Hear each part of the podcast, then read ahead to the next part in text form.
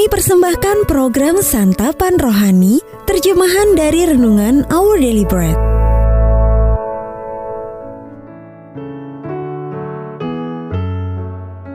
Sahabat ODB, pembacaan Alkitab hari ini terambil dari pengkhotbah pasal yang ketiga ayat yang ke-9 sampai dengan ayat yang ke-14. Pengkhotbah pasal yang ketiga ayat yang ke-9 sampai dengan ayat yang ke-14.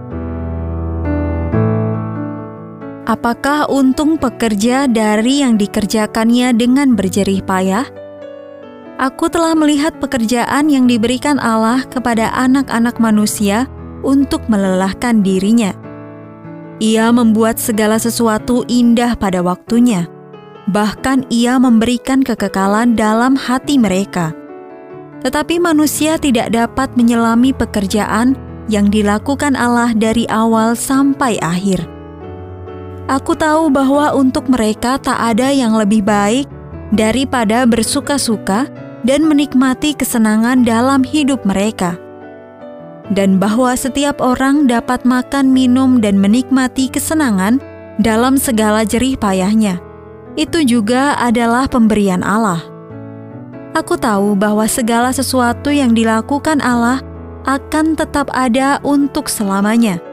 Itu tak dapat ditambah dan tak dapat dikurangi. Allah berbuat demikian supaya manusia takut akan Dia. Ayat Mas Renungan hari ini terambil dari pengkhotbah pasal yang ketiga ayat yang ke-12. Aku tahu bahwa untuk mereka tak ada yang lebih baik daripada bersuka-suka dan menikmati kesenangan dalam hidup mereka.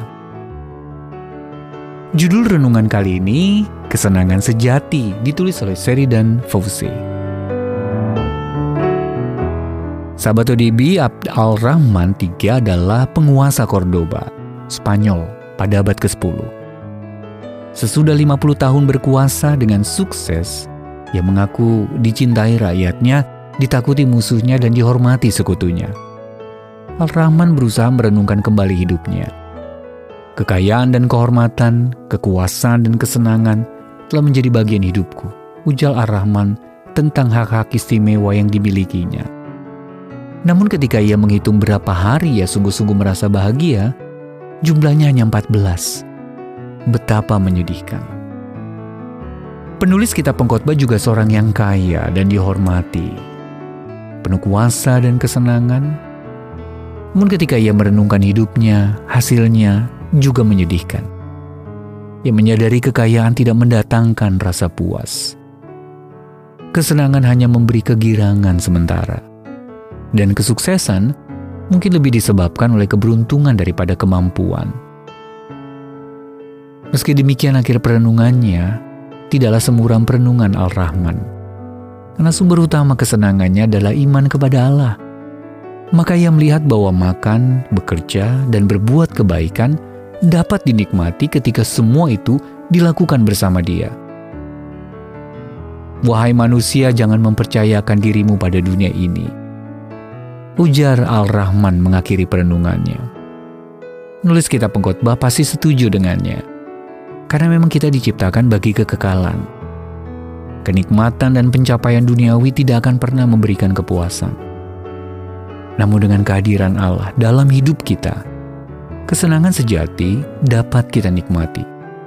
Dalam hal-hal sederhana seperti makan, bekerja, dan hidup sehari-hari. Sahabat ODB apa yang Anda cari jika ingin merasakan kesenangan?